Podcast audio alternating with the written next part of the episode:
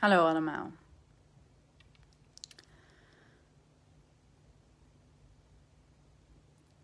Ik heb gisteravond een stuk geschreven over de reddersrol. Hoe de dynamiek van de redder, het slachtoffer en de dader op elkaar inhaken en ze zichzelf in stand houden. En in deze video wil ik uitleggen wat het betekent om echt uit die reddersrol te stappen. Want dat is nog niet zo makkelijk. We zijn er zo aan gewend. We vinden het zo normaal dat we het ook vaak helemaal niet opmerken. Wat heel belangrijk daarbij is, is dat we ons realiseren dat ehm, wij vaak het probleem van een ander bij onszelf neerleggen. zodra jij de redder gaat spelen, zodra jij het probleem aanpakt en op wil lossen of fixen, dan maak je een probleem wat niet van jou is, wel van jou. En dat voel je, want het kost je veel energie. En dat doen we ook in het collectief. Kijk maar naar de zorg. Hoeveel mensen in de zorg werken al jaren met overuren, um, hoge arbeidslast en te weinig erkenning omdat zij eigenlijk het probleem van een ander aan het oplossen zijn. Namelijk, er is tekort aan capaciteit, tekort aan mensen, te weinig tijd om het werk te doen, te weinig financiën, te weinig geld. Maar omdat ze zo'n groot hart hebben voor de patiënten en het werk niet durven neer te leggen, nemen ze de reddersrol aan en lossen zij het probleem wel op. Ik heb in het ziekenhuis gewerkt. Nou, als iemand uh, goed gaten kan vullen, is het wel een verpleegkundige. Oh, uh, kun jij extra werken? Kun jij een dubbele dienst doen? Uh, kun jij extra komen? Want we hebben tekort. En ga zo maar door. Um, ik zal even niet zeggen over wat dat betekent voor de kwaliteit van de zorg, want die mensen doen zo hard hun best. Hè, maar um, we vergeten dat um, het probleem helemaal niet bij ons ligt of in ons niveau van de werkende, maar dat die veel hoger ligt. Namelijk bij de baas of bij de overheid of bij nou, de overkoepelende organisatie. We zijn zo gewend om het probleem op te lossen zodat het maar opgelost is en dat er, ja, dat er gewoon maar de patiënten verzorgd worden, dat we uh, bereid zijn onze eigen behoeften en grenzen daarvoor op te geven. Er is heel veel goodwill. Een ander voorbeeld is de consultancy. Zij doen opdracht na opdracht voor klanten, projecten doen ze dus. En daarbij werken ze dag en nacht zo ongeveer om de deadlines te behalen die uh, zo verkocht is. Hè. Er is een bepaald aantal uur ingekocht. Um, en binnen die uren en tijd en met de capaciteit mensen, daarin moet, daarmee moet het gedaan worden. En als dat niet lukt, dan moet de medewerker harder lopen.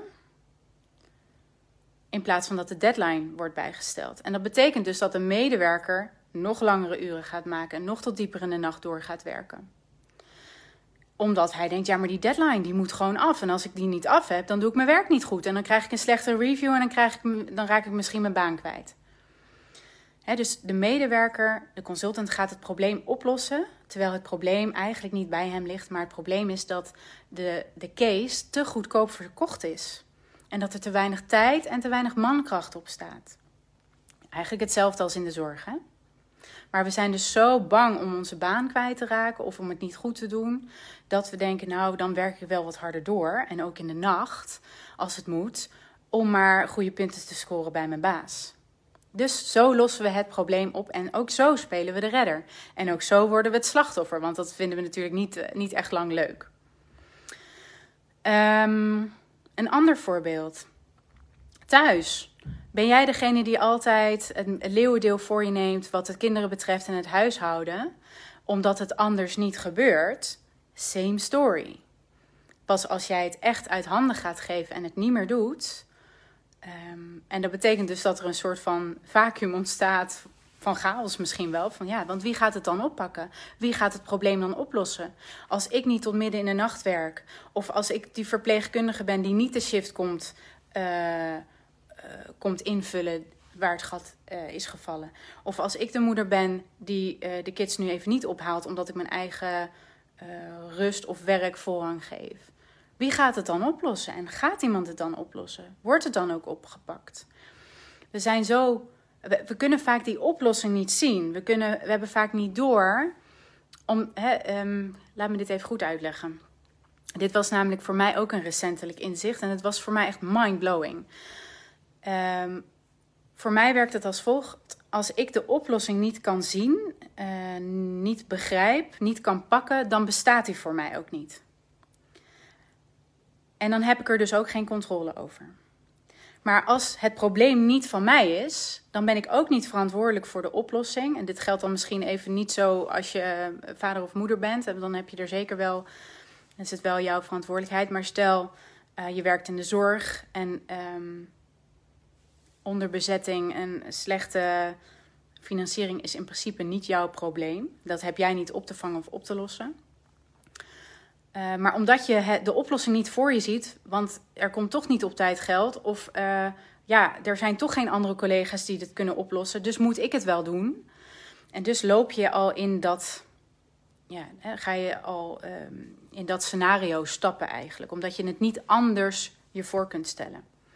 En dat betekent dus dat als je de reddersrol los wil laten, dat je dus ook de controle moet loslaten over hoe de, hoe de oplossing dan tot stand komt. Want dat weet je niet.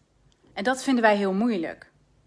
Want dan hebben we gevoelsmatig geen grip meer op de zaak. En dan ontstaat er dus inderdaad ook chaos voor een tijdje. En die chaos en die pijn dus, die daaruit voortkomt, is nodig om het probleem op tafel te leggen, zodat het door de hogere machten wordt gezien en opgepakt als ernstig. Hier moeten wij iets mee. Het probleem blijft onzichtbaar als je maar telkens blijft uh, oplossen en oplossen en oplossen. Uh, want daarin word je niet gezien. Immers is er geen probleem. Hè? En dat uh, mensen dan wel klagen over dat ze zo vermoeid zijn en overwerkt zijn en niet gezien en gehoord worden. Ja, dat is wel, wel, wel vervelend. Maar de, de, machine draait wel. Dus wat zal ik er maar over druk maken, hè? zegt dan een overheid of een partner misschien. De, de, de machine moet gewoon doordraaien. We moeten gewoon onze productie draaien. En dat stopt dus pas op het moment dat jij zegt: Ik ga dat gat niet meer vullen. Ik ga het probleem niet meer fixen, oplossen, redden. En dat, dat brengt dus ook bij jouzelf enorme nou ja, spanning teweeg, meestal. Want je gaat uh, je eigen angsten door, je eigen schuldgevoelens door, je eigen schaamtegevoelens door. denk maar aan die werknemer die um, denkt: shit, ik raak mijn baan kwijt. Als ik dat en dat niet doe. Het betekent dus dat je die angst moet aankijken en kijken of jouw overtuiging wel klopt. En dat je daar een nieuwe overtuiging tegenover zet en zegt: hé, hey, ik hoef mezelf helemaal niet op te offeren tot zo'n grote proportie. Ik mag ook wel terugverwachten van mijn werkgever. Want hoe dan ook, dit is niet duurzaam. Als dit zo doorgaat, dan val ik om, heb ik een burn-out, is mijn werkgever ook niet bijgebaat. Dus dat moet echt anders.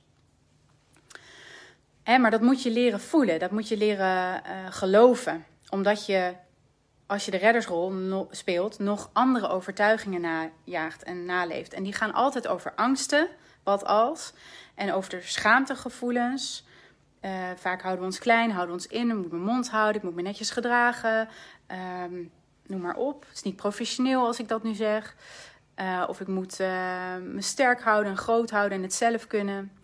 En schuldgevoelens. Ik kan mijn collega's toch niet afvallen? Moet even kijken naar mijn kleintje. Beetje abrupt einde, maar um, ik hoor graag jullie vragen. Heb je vragen over of misschien andere voorbeelden? Um, laat ze weten. En dan kom ik er straks misschien nog even op terug. Doei doei!